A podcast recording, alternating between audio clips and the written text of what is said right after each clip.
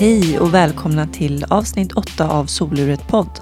Jag heter Jasmine Nilsson och det är jag som intervjuar gästerna i Soluret och som producerar podden. I den här podden möter jag människor från alla samhällsskikt och fördjupar mig i deras livshistorier. Och med varje livshistoria belyses olika ämnen. Dagens intervju spelades in i Dieselverkstaden i Stockholm och görs i samarbete med det internationella hjälpmedelsföretaget Invacare.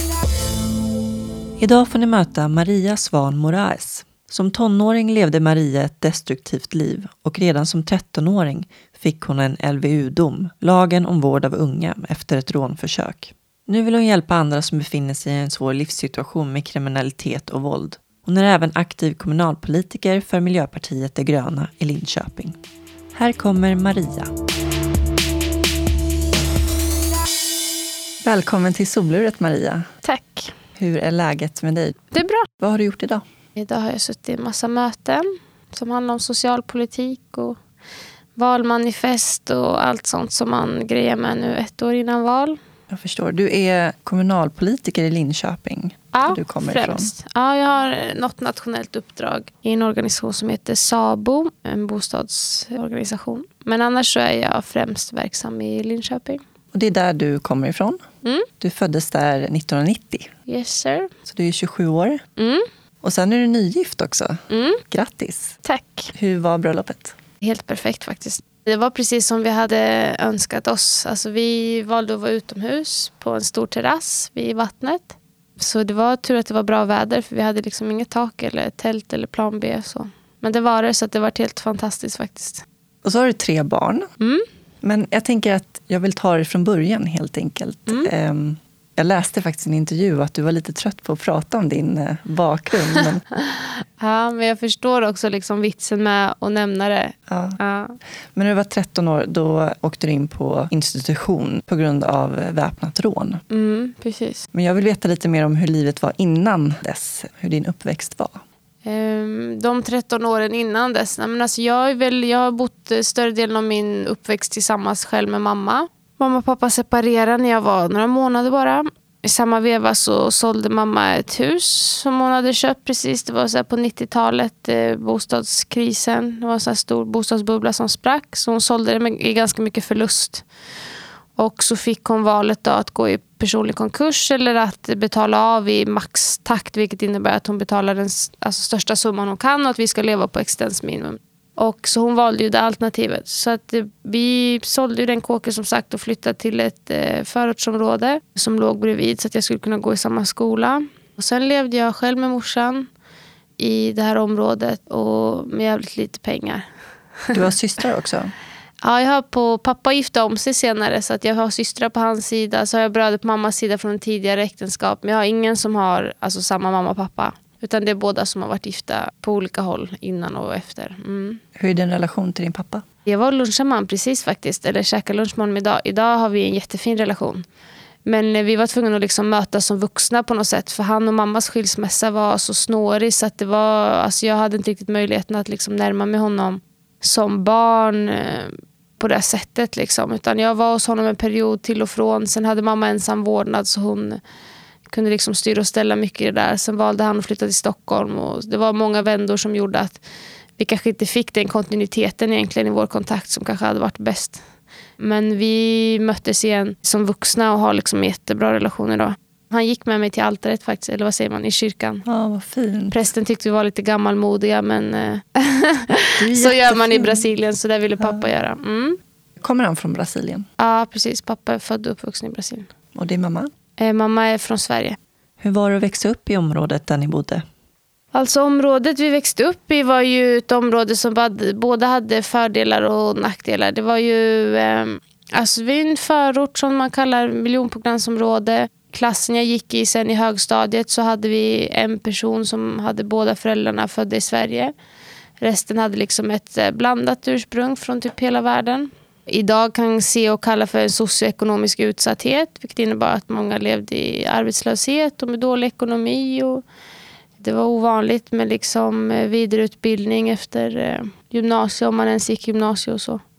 Så det var ett ganska, det är ett område som har lyfts mycket senare tid men, men det var ganska liksom ruffigt på den tiden. som barn först så var det bara ett jävligt kul område med stora grönytor och cykelvägar och massa kompisar. Och i tonåren så kanske man möttes av lite andra utmaningar som handlar mer om fördomar när man berättade att man var därifrån eller eh, liksom att känna sig tvungen att välja sida på något sätt. Eh, vilken gruppering i samhället man hör till och så vidare. Men jag menar första åren så var det bara lattjo. Du vet, mycket gräsmattor och äppelträd typ. Mm. Så är det oftast i de här områdena. De är oftast väldigt gröna de här miljonprogrammen och det finns liksom ytor i mitten där man bara kan springa hej vilt utan biltrafik. Ja men det är ju verkligen gjort för barnfamiljer. Ja, jo men det är, så, det är den fina delen liksom. Hänga i centrum och så. Ja, nej, som tonåring så var det liksom en annan upplevelse. Vad hände då? då? Nej, men då blir man väl mer exponerad för eh, alltså verkligheten på något sätt. Och de här motsättningarna och klyftorna. Och man kanske träffar andra tonåringar som har det ställt på ett annat sätt. Eh, vars föräldrar har andra möjligheter eller som får andra möjligheter i sin skola. Eller alltid åker till fjällen på vintern eller eh, har råd att rida eller spela hockey. Eller, alltså det, helt plötsligt ser man ju att världen är orättvis. Ett barn funderar ju inte så mycket på det här. Liksom. Så istället för att känna sig rik med, med alla de här gräsmattorna och grönområdena så kände vi oss kanske fattiga på möjligheter jämfört med andra för att man bodde i det här området då, eller för att, man, för att mamma var ensam eller för att vi inte hade pengar och så. Um, sen så har jag alltid Alltså jag har ändå alltid haft det jäkligt bra jämfört med många andra som fanns runt omkring mig. Så att jag kände ju aldrig så här att vi var på någon typ av botten. Så, alltså, vi har alltid haft mat hemma. Mamma har alltid sett att, till att jag har kunnat ha någon fritidsaktivitet. Även om vi har varit begränsade i vilken typ och så vidare. Och vi har ändå alltid, alltså haft kläder, även om det sällan har varit nya kläder så liksom har det alltid funnits eh, så möjligheter. Och det var ju liksom inte alla runt omkring mig som hade det. Så att jag såg ju aldrig liksom så att typ, ja, det var värst för mig. Utan snarare att jag varit väldigt påverkad av att se hur svårt människor runt omkring mig hade det också. Så jag kände mig väl ganska lyckligt lottad många gånger. Alltså när jag tittade på vad jag hade jämfört med många andra. Vad var det som gick snett då? Eh, är väl en blandning av allt det där. Alltså, jag tror att eh, ja, det är svårt att se vart... Eh, typ, ja, här var det första brottet. Här eh, bestämde vi oss att vi skulle bli kriminella. Riktigt så är det ju inte någonstans. Alltså, det, är väl, det sker ju successivt. Och jag menar, när man begår sitt första brott så kändes det inte ens som ett brott. Det var ju ganska normalt. Det var ingen som kallade det brott kanske. Då, om det var första typ cykeln man stal eller eh, liksom vad det är ju inte helt eh, ovanligt. Ja men typ. Och sen så när man bråkar med varandra var det ingen som rubricerade som misshandel. Liksom, men um, om man skulle slåss för att göra upp då skulle man ju det och så vidare. Så det är så svårt att se exakt var. Jag tror bara att vi liksom var jävligt utsatta många av oss redan från början kanske. Och eh, eh, Sen exponeras de, de där möjligheterna för en att man kan tjäna pengar på det här sättet eller få respekt för det här sättet eller få makt på det här sättet eller eh, liksom göra sig av med ångest på det här sättet. Och, uh, ja. Sen sker det väl stegvis tänker jag. Var det många så gängbildningar också i det området? Ja, alltså typ lösa grupperingar, någon typ av gängmentalitet men kanske inte så här Alltså man pratar om gäng idag så brukar man ofta se så här loggor och namn och såna grejer framför sig. Inte riktigt så. Linköping överlag är ganska förskonat så. Vi har inte haft så mycket genom åren heller så här etablerade stora gäng. Utan men liksom lösa nätverk, grupperingar. Och man bråkar med varandra mellan områden och såna grejer. Och, ja, lite så. Mm. Och så hamnar du på institutionen? Ja, till slut vart jag inlåst. Ja. Har du blivit anhållen tidigare? Nej, alltså, det blir man ju bara efter man har fyllt 15. Okay. Innan man har fyllt 15 så kan man ju bara bli omhändertagen. Man kan ju inte bli häktad och så. Mm. Så att jag hade ju varit i olika vevor iväg på akutboenden eller helgboenden eller bara några dagar, kortare placeringar. Innan jag då fick mitt LVU och vart inlåst. Liksom. Tänker man någonsin på konsekvenserna eller fortsätter man tills det verkligen händer någonting? Så jag vet inte om jag... För ibland så går ju snacket lite så i samhället också att man menar att det skulle vara så här ungdomar får inga konsekvenser så de bara fortsätter och lite så. Jag vet inte riktigt, det beror ju på vad man kallar konsekvenser. Så här, det är klart, eh, första gången det kom hem papper från polisen liksom, och se mammas min, det var ju ingen av oss som tyckte det var roligt. Liksom. Alla hatade väl det och det var jätteskamfyllt. Eller tvingas gå på förhör med sina föräldrar för att man är under 15. Eller Eh, för när det står grejer i tidningen och det kommer fram att det var en själv. Och så här. så det finns ju många olika typer av konsekvenser. Jag menar att, att polisen hämtar en eller att man blir inlåst det är inte den enda typen av konsekvens man kan uppleva för ett beteende. Och jag tänker att det blir så väldigt... Eh, eh, alltså det blir inte riktigt sant när man menar att, att ungdomar slipper konsekvenser bara för att man inte är straffmyndiga. Typ. För, att, för att det är klart man mm får olika typer av konsekvenser. Första gången jag ringde hem till några kompisar vars föräldrar sa du får inte ringa hit längre för att du är olämplig. Liksom. Mm. Det är klart, man hade stött på massa olika konsekvenser innan jag blev inlåst. Men det var inte heller... Alltså har man valt att, att begå ett par väpnade rån eller begå... Alltså det är inte så att, att det är konsekvenserna som får en att sluta på det sättet heller. Utan, utan det handlar ju mer om att kanske se ett alternativ eller en annan väg eller att må bättre. Mm. Jag tror liksom inte att man kan straffa bort sånt beteende. Eller tror jag är ganska övertygad om att man inte kan det. Jag har inte träffat liksom någon som bara, ja oh, gud, jag fick ett straff så jag slutade vara destruktiv. Mm det är inte riktigt liksom mitt synsätt. Hur mådde du under den tiden? Eh, men alltså jag var väl ganska ångestfylld tänker jag större delen av tiden. Samtidigt var jag liksom ung, hade väl någon typ av känsla av frihet och eh, kanske lite gnutta storhetsvansinne. Liksom. Vad hade du för intressen? Jag höll på mycket med musik. Sen har jag skrivit mycket också men eh, jag dansade en sväng, jag har dansat lite allt möjligt och skrivit har jag jämt gjort så jag har kvar jättemycket som jag skrev då. Du rappade också? Och så rappade mm. jag.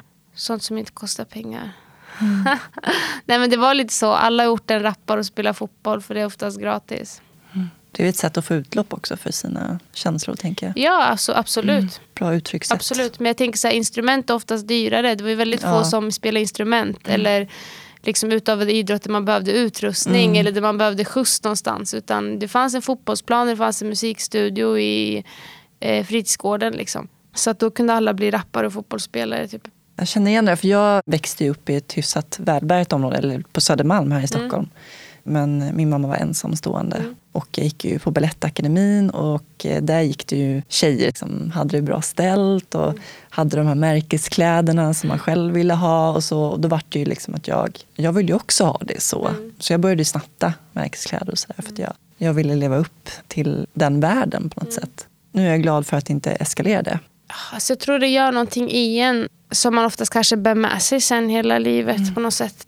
Och det jag har lärt mig är att det finns ju liksom i alla samhällsklasser människor som känner att man är i underläge. Alltså jag menar, jag vet inte, Östermalm känns klyschigt att säga men vad man än väljer för område. Mm. Så finns det ju de som känner att att man liksom är i det undre skicket av det här gänget. Och det sätter ju ofta spår det kan ju skapa jävligt mycket bra entreprenörer och drivna människor men det kan ju oftast liksom eh, skapa kriminalitet också eller psykisk ohälsa. Eller.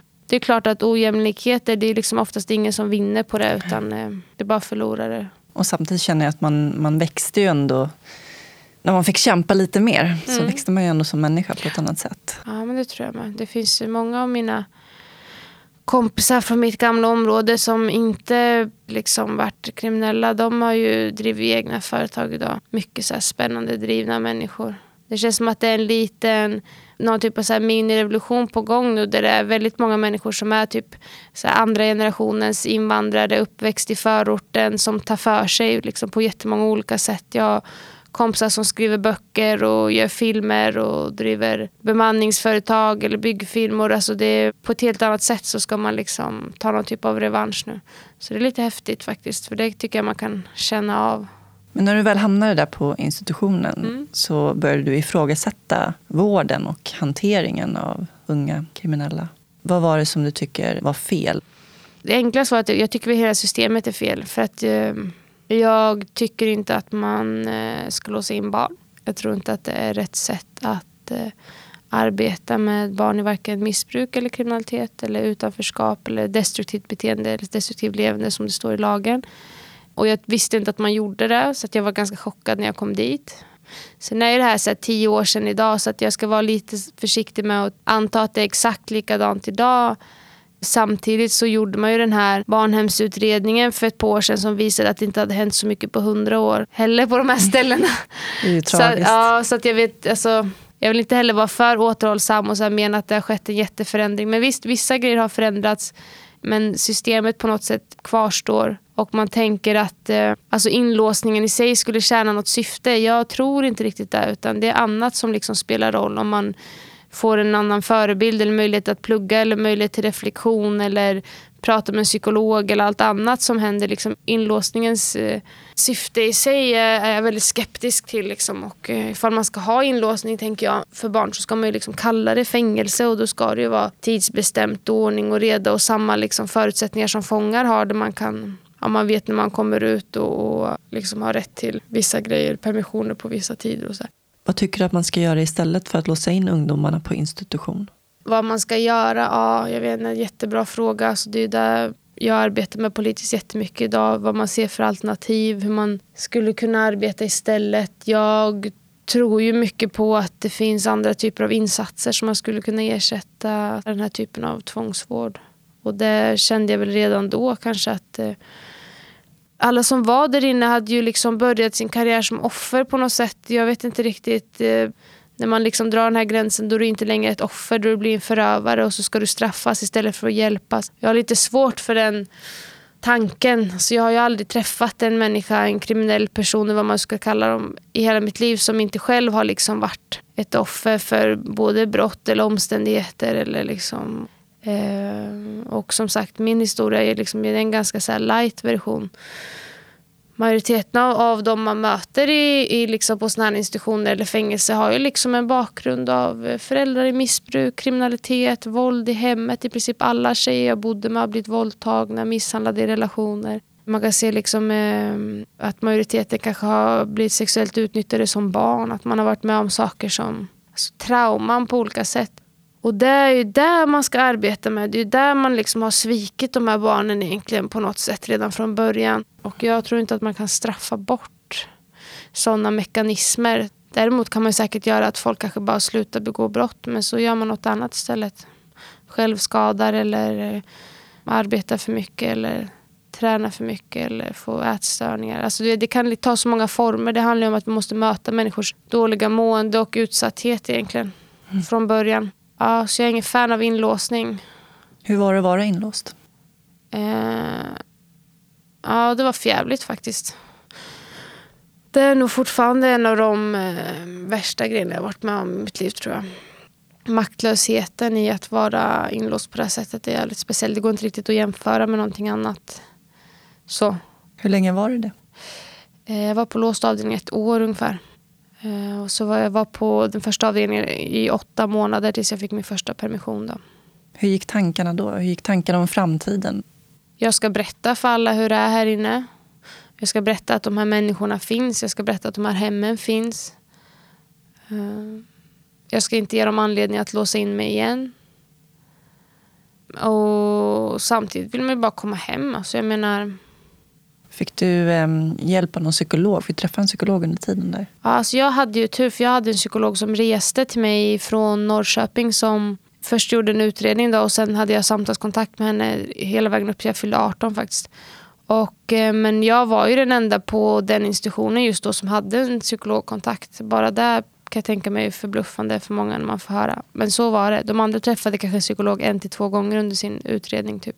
Din mamma, fick hon något stöd från samhället? Nej, väldigt lite skulle jag vilja säga faktiskt. Hon eh, fick eh, väl eh, två samtal hade vi med den här institutionen när jag flyttade hem sen. Men, menar, hon fick ju inget föräldrastöd under tiden jag var inlåst och hon fick väl egentligen inget så här, organiserat stöd innan heller eh, riktigt.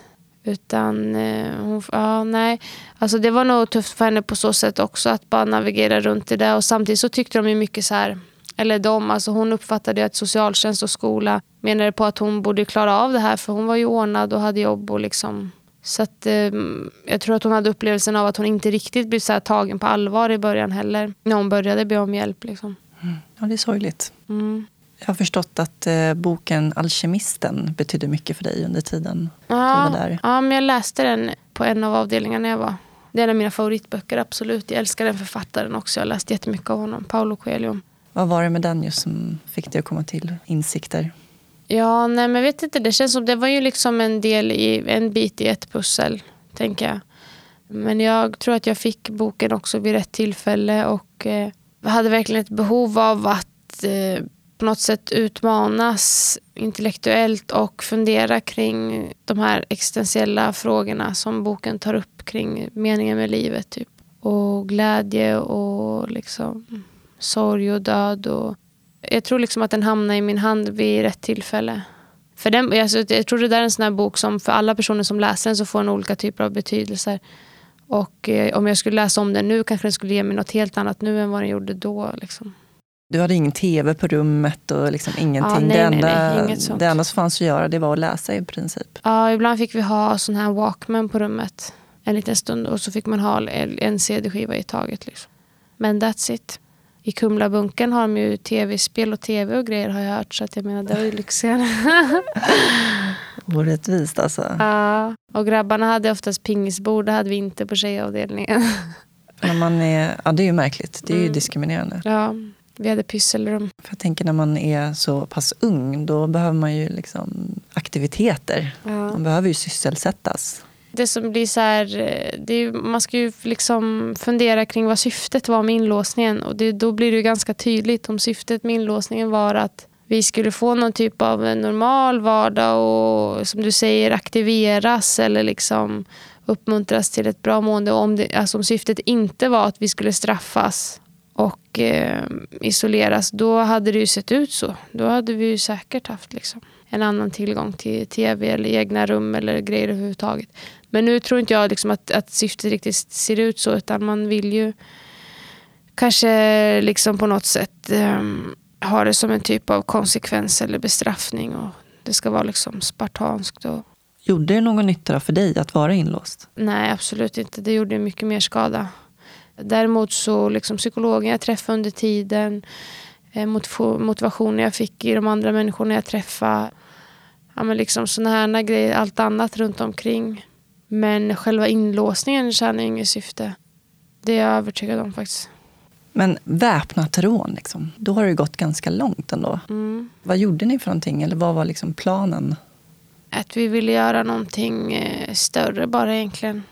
Blir det så lätt att det liksom eskalerar? Att man liksom börjar med småbrott och sen man vill bara ha mer och mer? Liksom? Det Både ja och nej. Jag tänker att det finns ju så många olika anledningar att människor begår brott. Men eh, för oss så gick det ganska fort kanske från småbrotten till där man skulle se som någon typ av större brott. Det beror på hur man ser på det. Men eh, ja, jo det är väl vanligt. Men jag tänker också att det finns så många olika typer av historier in i brottslighet också.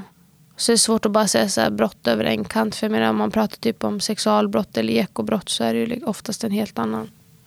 Det är ingen liksom överrepresentation som finns i förorten direkt. Eller liksom något som sker eftersom att man snattar eller haft en ensamstående mamma. Man blir inte pedofil av det. här, Liksom. Så det är lite andra mekanismer. Men just kanske den typen av brott, jo, alltså ja. Oftast kanske. Det är inte så vanligt att tjejer hamnar i kriminalitet på samma sätt. Nej, det är väl, vi är lite eh, smartare oftast. Nej, vi har inte lika mycket machonorm att leva upp till helt enkelt. Så det, är väl, det finns väl mycket, mycket som är liksom svårare och värre med att, vara kvinna. Men om det är något som är kanske lite slappare då, och där männen kämpar på, då är det just den här machonormen. Vi har ju inte så, liksom, så mycket att leva upp till så. Man förväntar sig inte att vi ska vara så tuffa eller slåss så mycket. Och så. Sen så är det många som menar att trenden går åt det hållet ändå. Att tjejer blir mer och mer våldsamma nu eller mer liksom involverade just i de kretsarna. Men jag vet inte, jag har inte sett någon så här superstatistik som stödjer det. Så det är väl mest mm funderingar. Nu tar vi en kort paus för jag ska ringa upp min samarbetspartner Invacare. Invacare Stina. Hej Stina, det är Jasmin här. Hej Jasmin. Hur är läget med dig? Det är riktigt bra. Vad händer på Invacare här framöver? Jag hade faktiskt tänkt att eh, lyfta upp ett ämne som jag tycker är otroligt viktigt. Mm. Och eh, det är att belysa den internationella trycksårsdagen som kallas för Stop Pressure Ulcer Day. Och det kommer vara den 16 november. Och eh, ja, vi på Invacare vi ser ju det som en jätteviktig del i vårt arbete. Både att utbilda och framförallt eh, arbeta för att minska trycksåren som kostar självklart en massa pengar. Men framförallt, det är ett stort mänskligt lidande. Oh ja, absolut. Jag har ju själv erfarenhet av att ha haft trycksår och eh, livet stannar ju upp när man drabbas av det. Så det är ju verkligen eh, jätteviktigt att eh, belysa och att man framförallt förebygger så att man inte får det som eh, i mitt fall då ryggmärgsskadad. För jag eh, blev ju sängliggande i två år på gymnasiet på grund av det. Ja, ja då har ju du verkligen erfarenhet, Jasmin. Tråkigt, men eh, det är ju sant. Det händer ju. Så eh, vi på Invacare vi kommer ju självklart att belysa det här eh, just den här dagen den 16 november. Och eh, det kommer att finnas mer att läsa om det här på Invacares hemsida. Och eh, vi kommer ju också att eh, ha lite spännande, matnyttigt, men även en liten kampanj på en viktig produkt. Att eh, avlasta hälar som också kommer från Vicar. Det kan man hålla utkik efter på invacare.se. Jättebra, verkligen. Så gå in där och kolla säger jag bara för att det är som sagt jätteviktigt att man tar hand om sin hudkostym.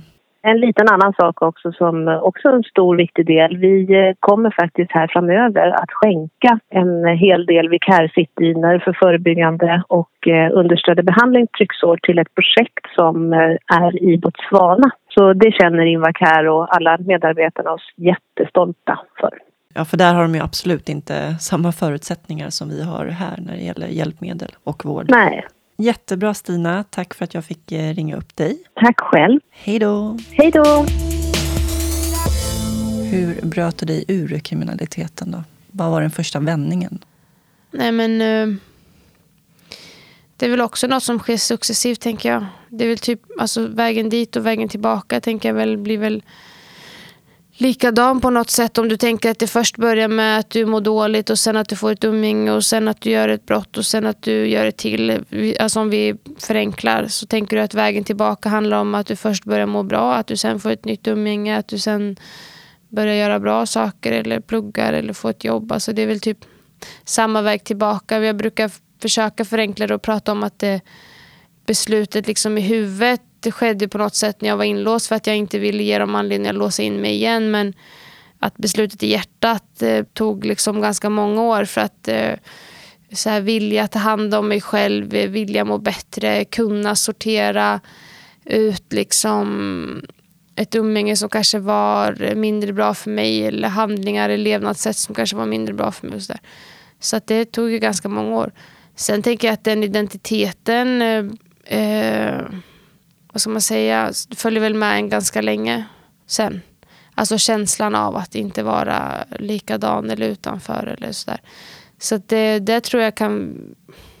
Alltså det tog väl ännu fler år innan jag kände att jag inte behövde se mig själv som någon typ av före detta kriminell utan att jag kunde få vara bara jag. Liksom. Kände du skam?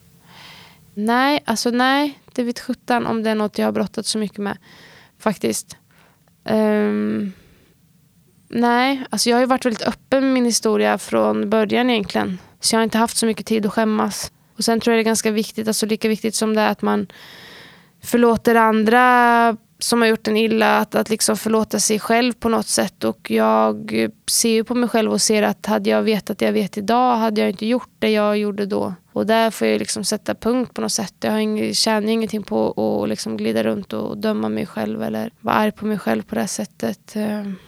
Jag tänker skolan då, vad fanns de i det hela? Ja. Tar de något ansvar överhuvudtaget? När nej, de ser jag vet att, inte. Fan, nej, alltså det var synd faktiskt. För jag har haft lätt för mig i skolan. Det hade varit eh, schysst om jag hade fått en skön chans där. Men de var nog ganska chockade också över vad som hände och visste inte riktigt vad de skulle göra åt allting. Så att, eh, nej, det var liksom lite löst olika grejer. Jag fick testa att gå i någon liten grupp och sen skulle jag plugga hemma och sen, ja, lite konstiga insatser sådär.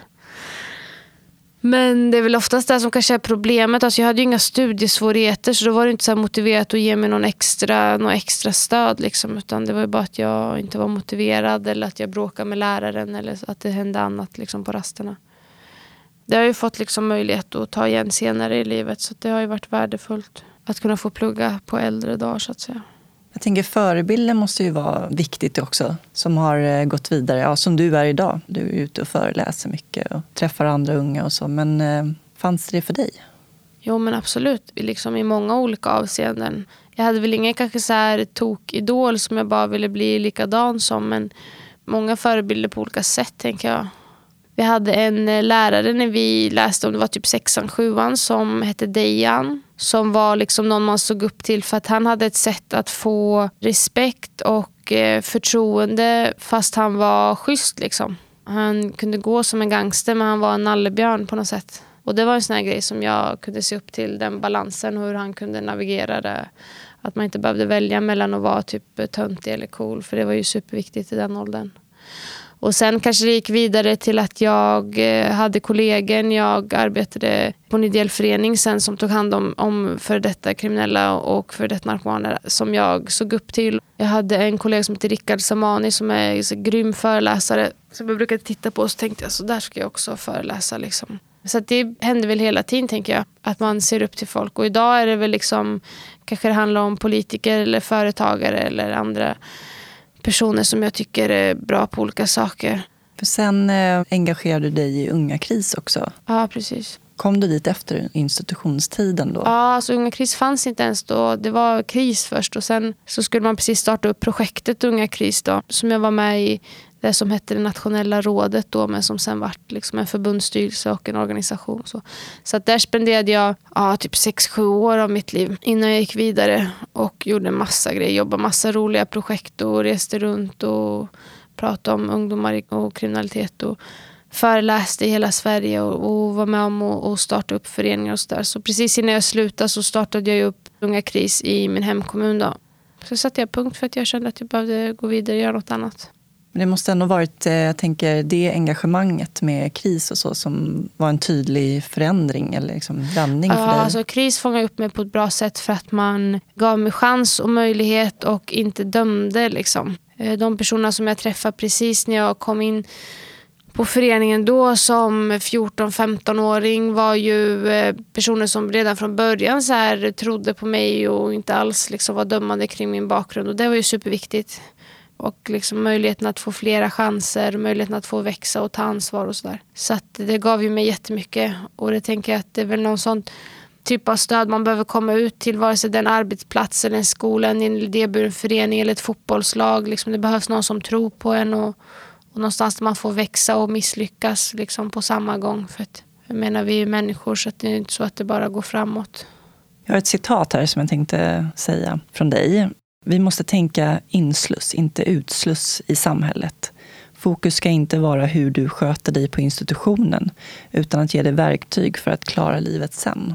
Ja, precis. Det här med insluss utsluss, det var en sån här flaggskepp för kris, att man eh, bytte orden på att utsluss fick heta insluss. Och där fick jag faktiskt veta nu att kriminalvårdens nya frivårdsprogram eller hela den delen nu har bytt namn från utsluss till insluss. Det är ju stort. Så då vart jag lite glad men det är liksom faktiskt en ganska viktig skillnad för det är skillnaden mellan att slussa in någon och på något sätt slussa ut eller släppa ut någon tänker jag är ganska stor. Och ja, nej, jag tror ju liksom inte att det är inlåsning som är nyckeln tyvärr, till alla som förespråkar hårdare straff och mer fängelsen. Det, är, det finns ju inget som tyder på att det liksom är det som är vändpunkten oftast för människor. Eller att inlåsning på något sätt skulle bryta ett utanförskap eller få människor att må bättre. Var kommer din eh, drivkraft ifrån, tror du? Nej, jag vet inte. Alltså, det, bara, det bara är så. Så har det nog alltid varit faktiskt. Det är väl lika naturligt som andas, tänker jag. Jag vet inte vem jag skulle vara om jag inte var engagerad vet, min pappa sa till mig någon gång i tonåren, eller typ när det hade varit mycket och jag föreläste och var mycket på tv, och så var han så här, varför kan du inte bara ta det lugnt ett tag och kan du inte bara plugga eller jobba ett vanligt jobb eller något sånt. Liksom. Jag sa att om det finns människor som gör det också, men jag har aldrig varit en av dem. Jag har aldrig känt mig så. Och det finns ju människor som sitter och lyssnar på föreläsningar med eller tycker det är intressant att vara där. Men jag har ju liksom aldrig varit den som har suttit där utan jag har oftast varit den som stått framför och, och pratat. Liksom. Så det, bara, alltså, det har bara varit, eh, jag är sån. Sen är det klart att det krävs en balans i livet. Jag menar, men ett engagemang har jag väl alltid haft. Vad är ditt eh, viktigaste budskap med dina föreläsningar? Oftast så handlar det väl om att försöka typ etablera någon förståelse. För oftast de jag föreläser för är ju inte människor som själva har kanske en bakgrund som påminner om min eller de människorna jag pratar om och har arbetat med. Så ofta så är det väldigt långt bort kanske för dem man föreläser för och eh, frågorna handlar oftast om varför och hur och, och jag tänker att eh, det viktigaste om jag tänker vad jag vill att folk ska gå därifrån med så är det väl någon typ av ökad förståelse för varför de här galningarna som man ser på nyheterna begår brott eller kastar sten mot polisen eller bränner bilar eller vad det nu är. För att jag tror att man kommer ganska långt bara på att möta varandra som människor. Och ofta så är det den reaktionen jag får också. Oj, du ser inte ut som en kriminell. Eller jag skulle aldrig tro. Du ser inte så farlig ut. Men jag menar när det stod om mig i tidningarna så var det ingen som liksom tyckte synd om mig. Utan då vill man ju låsa in mig också. Eller straffa mig och sådär. Så att, eh, ja, det är väl kanske det. Sen så varierar det mycket vart jag är. Så idag när jag började föreläsa så var jag mycket på skolor och träffade ungdomar och sådär. Det har jag inte gjort på många år. Nu är det oftast för alltså professionen. Jag har varit mycket på socionomutbildning och för poliser och rektorer och journalister. Och, alltså, det är en annan grupp och då är det mycket fokus på förståelsen. Var det många som kände igen dig i Linköping? Som du hade varit med i tidningen och så efter Ja, det är det fortfarande faktiskt. Men nu har de flesta poliserna gått i pension i alla fall. Så det, det är det viktigaste. För de var ju lite pinsamt kanske att träffa ibland. Jag vet inte. Hade det varit så att jag suttit heltid på Kumla för att jag typ hade varit delaktig i helikopterrånet säger vi. Då hade säkert folk sagt att ja men det visste vi hela tiden och det kände vi oss på. Och nu när det har gått bra så säger alla det visste vi hela tiden och det kände vi oss på. Alltså jag tror bara man hoppar på tåget lite som det är liksom. Så att ofta så när man kommer fram är man positiv och så. Det finns väl några som kanske inte har varit jättepositiva men då säger man oftast inte det rakt ut utan då märker man bara att de sitter sura lite. Och Ja, jag vet inte. Jag fick en kommentar för någon månad sedan. hon sa så här, man kan väl säga att du har eh, byggt upp din karriär på din olycka. Mm. Och då var jag nästan lite så förnärmad, för jag tänkte, jag är inte min olycka. Jag är inte min ryggmärgsskada som jag fick på grund av olyckan. Menar hon att du sitter i rullstol? Eller? Ja, men lite sådär att jag liksom på grund av det, för jag är ju också ute och föreläser om mina livserfarenheter och så, um, så har jag byggt upp en karriär på det. Jag känner ändå att um, även om olyckan inte hade inträffat så hade jag ändå varit samma person och haft samma drivkraft. Och, och vad fan spelar liksom, det för roll? Vad har Zlatan byggt upp sin karriär på då? Att det fanns en fotbollsplan i Rosengård? Alltså jag menar vad då? Tänkte jag på dig, har du någonsin tänkt på det så? Liksom att, eh, att du på något sätt skulle ha byggt upp din karriär och liksom, ja, ditt liv precis. på grund av dina livserfarenheter? Nej. Nej. Jag, alltså, kände, jag, alltså, jag kände mig nästan lite förolämpad ja, och, också. Och jag menar så här, vad, skulle, vad skulle motsatsen vara då? En, en, person som, alla bygger väl upp sin karriär eller sitt liv utifrån ens erfarenheter. Vad skulle du göra istället då? Mm. Låtsas som att du inte, nu vet ju inte jag varför, men jag antar att du, olyckan gjorde att du sitter i rullstol idag. Ja, uh, skulle du låtsas som att, alltså vad, för att göra någon nöjd? Eller jag förstår inte riktigt. Tanken är så här, om, om när jag eh, levde som jag gjorde i tonåren hade ju inte jag någon aning om vad jag skulle göra idag, uppenbarligen. Och eh, jag ser väl att det finns två olika möjligheter. Jag hade kunnat bara starta ett helt nytt liv och skita i det som har hänt, som säkert många har gjort, som jag har satt mig på institution och så här och låtsas som ingenting. Jag skulle kunna gå och må jättedåligt över det och fortsätta liksom på samma spår. Eller så gör jag någonting nyttigt av det och för min del så har jag känt att det är istället du frågar om det här med skuld och skam. Alltså jag har väl känt om det är något jag kan säga om jag ser brottsoffer i ögonen så är det liksom att jag har ägnat hela mitt liv till att se åt att det ska finnas mindre brottsoffer. Att, att färre människor ska bli utsatta för det de har blivit utsatt för. Och jag hoppas att det liksom kanske är något som känns bättre hos dig även om jag uppenbarligen liksom utsatte dig för någonting förskräckligt. Och det blir någon sorts mening med det också. Och jag tänker, vad då för din del så är det väl samma sak. Om du har ägnat ett helt liv åt att berätta om vad som har hänt dig eller hur det har varit för dig så kanske det har hjälpt en massa andra människor. Det blir helt onödigt att inte göra det då. Mm. Det är som att se åt Zlatan att han inte ska spela fotboll. Ja, men jag är bra på det. Ja, men det är skitsamma för du blir liksom jobbigt för folk. Det är bättre om du blir ekonom. För du kan inte bygga upp en karriär på dina fötter. Mm. Alltså, det vi alla gör väl det mer eller mindre. Är det inte så? Ja. Folk får väl den kritiken hela tiden. Jag menar, vad heter hon som började i Big Brother? Som är konstnär idag. Linda... Eh, eh, Carolina Gynning. Carolina Gynning, just det. Och det är väl samma, alltså vadå? Ska, är inte hon duktig på att måla då bara för hon var med i Big Brother? Det är väl inte, alltså hon är ju konstnär. Ja, precis. Så att någonstans så måste man ju få låta människor sätta punkt också och gå vidare. Är det ditt samhällsengagemang och din drivkraft som har lett dig till politiken? Ja, alltså, det drev ju mig när jag var yngre också. Mm. Alltså, det drev ju mig i kriminaliteten också på något sätt och i brottsligheten. Och det tror jag det finns många som har potential att bli liksom riktigt vassa politiker eller entreprenörer. Precis som jag sa innan i de kretsarna också. Men någonstans så bara vart jag trött på att, eh, att befinna mig i idéburen sektor och eh, be politikerna om pengar och kämpa för att politikerna skulle förstå. Och så kände jag, nej men då blir jag politiker istället. Eh, vilket gjorde mig jävligt ödmjuk. Mm. för det var inte så enkelt som man trodde på andra sidan. Men ehm, det är fortfarande supergivande och jag tycker det är jättespännande. Liksom. Du berättade innan att du hade varit på ett möte med en massa gubbar. Ja, möten blir rätt gubbiga i politiken. Men vet inte, jag till ändå... Det är mansdominerat. Ja, men det är det. Och eh, jag är oftast yngst där också, som jag var innan också. Lyssnar gubbarna på dig då? Uh, oftast inte från början, men efter ett tag så brukar de göra det. det brukar vara kul när det vänder faktiskt. Jag hade någon som kom och klappade mig på huvudet eh, bara för några veckor sedan. Så sa han, och jag som trodde att du bara var en dum liten flicka. Du Nej. hade ju faktiskt något innanför pannbenet. Ja. Du vet, jag var bara så här, alltså. vad fan var det en komplimang eller inte? Jag bara, ja. Och jag var lite chockad att du förstod saker också, så jag åt honom och så fnittrade jag lite bara. Så fattade han liksom ja. att han blev lite Ja, men det är alltid det här liksom, klappa på huvudet, lilla flickan. Ja. ja. Men jag vet inte, jag tycker, ibland kan jag tycka det är lite kittlande att starta i underläge och så folk eh, sitter och vara fördomsfulla och tycker och tänka vad de vill. Så mm. kan man bevisa motsatsen sen. Varför Miljöpartiet då? Det var helt självklart bara för att det, den hållbarhetstanken och den långsiktiga tanken som genomsyrar den miljöpartistiska politiken var liksom något som jag såg som ett måste för att bygga upp ett samhälle där människor skulle kunna må bra och leva bra. Så det var där från början. Liksom. Sen har jag fått sätta mig in i många av de stora frågorna. Jag har fått liksom fördjupa mig ytterligare miljöpolitik, bostadspolitik, energipolitik. Men det är just långsiktigheten och hållbarheten som gjorde att jag drogs dit från början. Det finns liksom inget annat parti på marknaden idag som på det sättet har liksom en tanke som handlar om att bygga upp ett samhälle för våra barnbarn och barnbarnsbarn. Och jag skulle aldrig kunna engagera mig i ett parti som inte liksom tänker på det sättet. Det känns bara oansvarigt. Sen är vi inte så kaxiga i slutändan. Alltså varken hårdare straff eller inte. Om vi inte har frisk luft att andas så spelar det ingen roll. Så miljöfrågan är och kommer alltid vara liksom nummer ett. Så måste det ju vara. Vad har du för um, mål med politiken?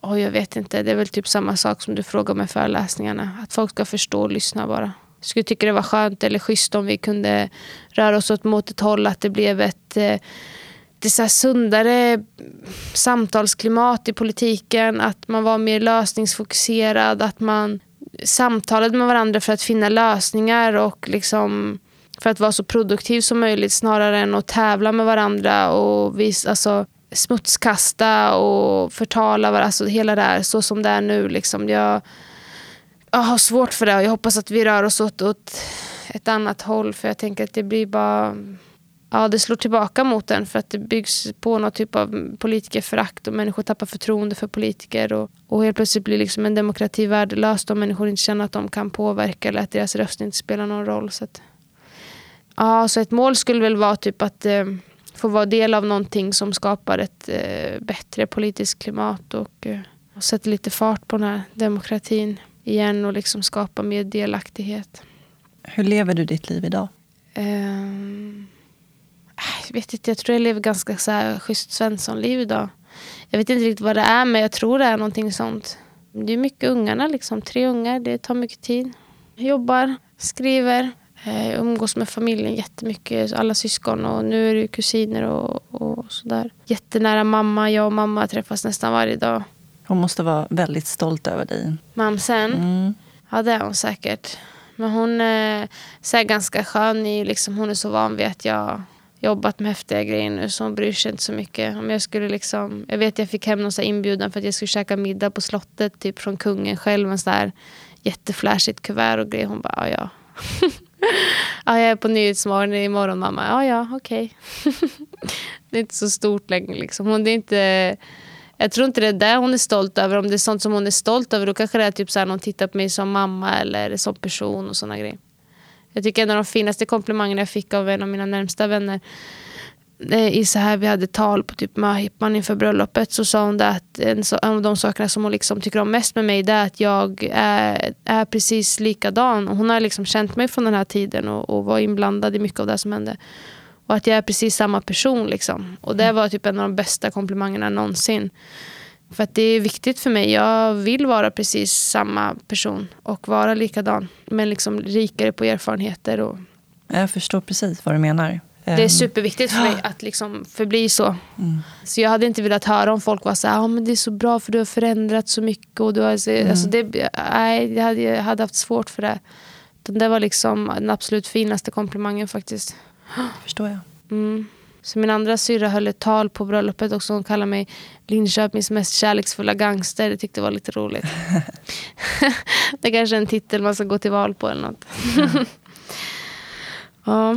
Hur är du som mamma? Eh, ja, men det, det är nog en blandning mellan att vara kärleksfull och gangster där också. ja, men jag har liksom eh, ganska bra fart på alla tre där hemma och det är mycket egen vilja och så. Jag gillar det. Vi, mina sexåringar och jag diskuterar mycket nu. Eh, de håller på att liksom greppa så här stora frågor. Och när jag skulle åka iväg till Stockholm nu i morse så sa min ena dotter, mamma när jag blir stor vill jag också jobba där du jobbar. I miljögänget sa jag, ja, jag vill också vara med i det gänget som bryr sig om miljön. För jag har försökt förklara politiken för dem. Liksom som, och att det finns lite olika gäng som kämpar för olika saker. Ja, sa mamma, för att om det inte är bra i miljön då kan inte människorna må bra heller. Nej, det är sant. Det tycker jag också. Liksom. Jag tror det är viktigt att ha förtroende för sina ungar. Låta dem växa liksom, och bli självständiga och starka. Jag lät dem ganska tidigt så här gå iväg till mamma som bor i gården bredvid för att hämta saker. Så, så smög jag efter i buskarna men det vet ju inte de om. Det hade de, de liksom bara gick och kände sig jättestora och duktiga. Och nu är det liksom veckopengsgrejer vi håller på med. Och, ja, man hjälper till hemma, man tar hand om varandra. Eh, mycket kärlek, tänker jag. Ja. Vad innebär det för dig att vara människa? Nej men det är väl det där fina, sköra i att vi människor behöver andra människor. För det har vi alla gemensamt på något sätt. Att vi, ingen klarar sig själv, vi alla behöver andra på något sätt. Liksom. Ja, och det är väl en av de så viktigaste mänskliga faktorerna. För sen kan vi ju vara ganska olika liksom, från person till person. Men, ja. Vad betyder frihet för dig? Ja, men att få välja själv, tänker jag. Att få vara som jag vill på jättemånga olika plan. Alltså att få älska den jag vill, att få jobba med det jag vill, att få eh, leva det jag vill. Eh.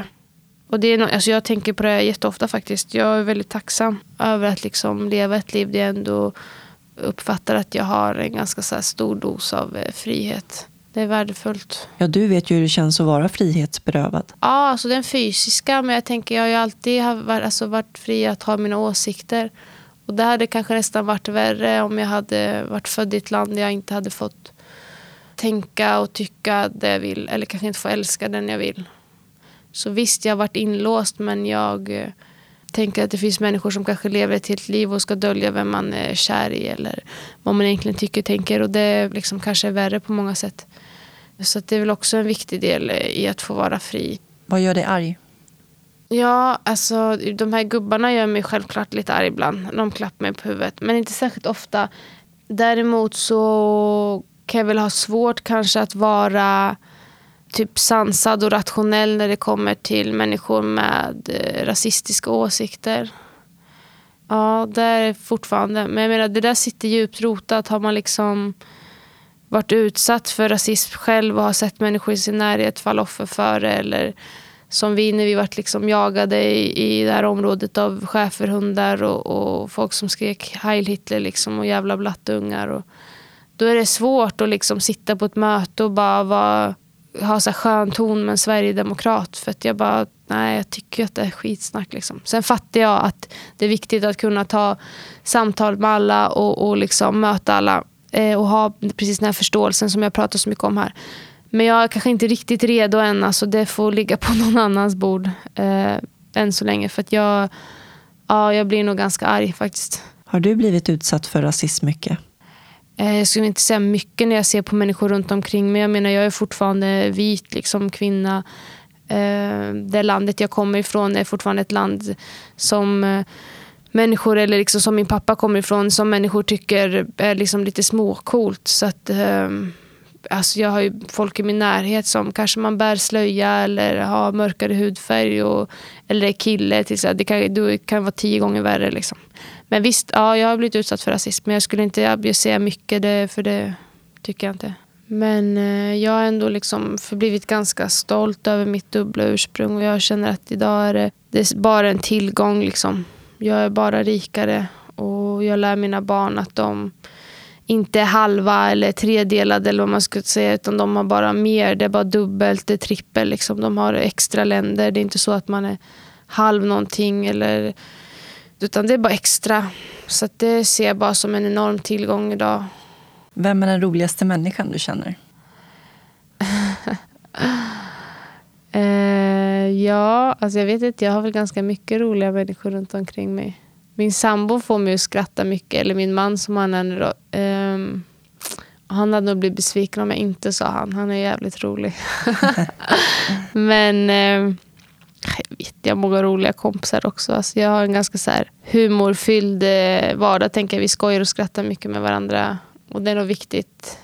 Vad drömmer du om? Ja, gud. Jag vet inte liksom på vilken nivå det ska vara. Det är lätt att bara vara så här world peace och eh, eh, Miljöpartiet som det största eh, politiska parti i Sverige i nästa val. Men, eller liksom en Tesla hade ju varit häftigt också. Nu när jag har körkort skulle jag jättegärna vilja ha råd med en, en fräsig elbil liksom, som jag kan få plats med alla ungar i. Ja. Men annars, alltså det är, jag vet inte, det är på så många plan. Så här, vi vill ju bygga hus, liksom, vi letar tomt och eh, drömmer om att kunna ta hela familjen till Brasilien. Jag har inte tagit dit barnen än. Ja, men det, är liksom, det är så många olika nivåer. Jag har så supermycket att se fram emot. Tänker jag, och jättemånga drömmar som jag tänker jag vet både kommer infrias och som jag vet jag kanske inte har någon aning om än. Och jag menar bara den här sommaren har jag ju typ bockat av. Liksom, jag har gift mig, jag har tagit körkort och, och gjort så här skithäftiga grejer som jag har sett fram emot typ hela livet. Jag har några snabba frågor också. Mm. Måste jag vara snabbare då? Jag har varit jättelångsam nu känner jag. Hela den här podcasten kommer bara vara min, min andning och mina mm. mm. ah, kör då, nu ska jag vara supersnabb. Kaffe eller te? Te. Jag kan faktiskt inte dricka kaffe alls. Är det så? Mm. Eller jag drack när jag var liten. Alltså, enligt brasiliansk tradition så ger man ju kaffe till barn. Så pappa gav mig kaffe när jag var Enligt tradition? Ja, men alltså, man ger det ja. till barn. Man kan blanda med jättemycket mjölk och socker. Så kan man ge så här lite kex i. Så är det typ som gröt på kvällen. Man kan få så kaffe i nappflaska. Alltså, jo. Alltså, så det jag drack när jag var liten. Ja. Om du vill ha speedade ungar, ge dem kaffe. Nej, alltså när de ska gå och sova. Det är sant. Ja, det är sant. Jättemotsägelsefullt. Men, ja. Så pappa ger ju, liksom lillebror dricker ju kaffe när pappa är hemma hos oss. Han ja. tycker det är jättespännande. Men eh, nej, jag har liksom sen dess så har det tog slut där någonstans sen. när jag slutade med nappflaskan. Så att nu är det bara te. Bok eller film? Ja, nu är det nog film tror jag. Kött eller grönsaker? Grönsaker. Jag har varit dålig miljöpartist annars. Se eller höra? Ja, svårt. Se kanske. Kontrollbehovet. Mm. Heavy metal eller jazz? Jazz, verkligen. Jag fattar inte heavy metal. Alltså det...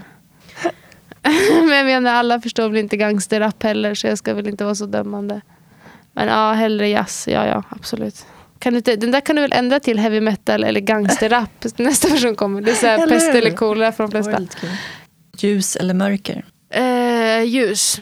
Fort eller långsamt? Fort. Lyssna eller prata? Prata. Herregud, jag önskar att det var lyssna, men det är oftast prata. Tack så jättemycket Maria. Tack själv. För att du delade med dig av ditt liv. Tack, tack. Maria har faktiskt nyligen blivit nominerad till riksdagen inför valet 2018 och jag önskar henne all lycka med sin politiska karriär inför framtiden. För mer information om Maria kan du gå in på hennes hemsida, mariamoraes.se. Där kan du även följa hennes blogg. Soluret har en hemsida, soluretpodd.se. Där kan ni lyssna på alla intervjuerna och även komma i kontakt med mig. Ni får jättegärna dela med er av era reflektioner och tankar kring intervjuerna. Det vore kul att höra vad ni tycker. Och ni som kan och har möjlighet får gärna betygsätta Solur på iTunes.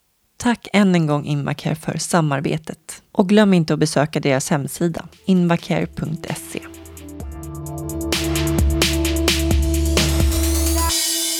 I nästa avsnitt får ni möta Daniel Avoya. Daniel var nykär, hade just fyllt 19 år och livet var på topp när allt plötsligt slogs i spillror. Dagen efter sin födelsedag dök han från en brygga och bröt nacken. Han blev förlamad från nacken och ner och musikdrömmarna som gitarrist raderades på en sekund. Nu, nio år senare, pluggar Daniel på ekonomprogrammet och använder skrivandet som utlopp för sin kreativitet. Avsnittet publiceras söndag den 26 november. Med tanke på dagens gäst avslutar jag med ett citat av Malala. Jag höjer min röst. Inte så att jag kan skrika, utan så att de som inte har en röst kan bli hörda. Tack så jättemycket för att ni lyssnade och ta hand om varandra. Hej då!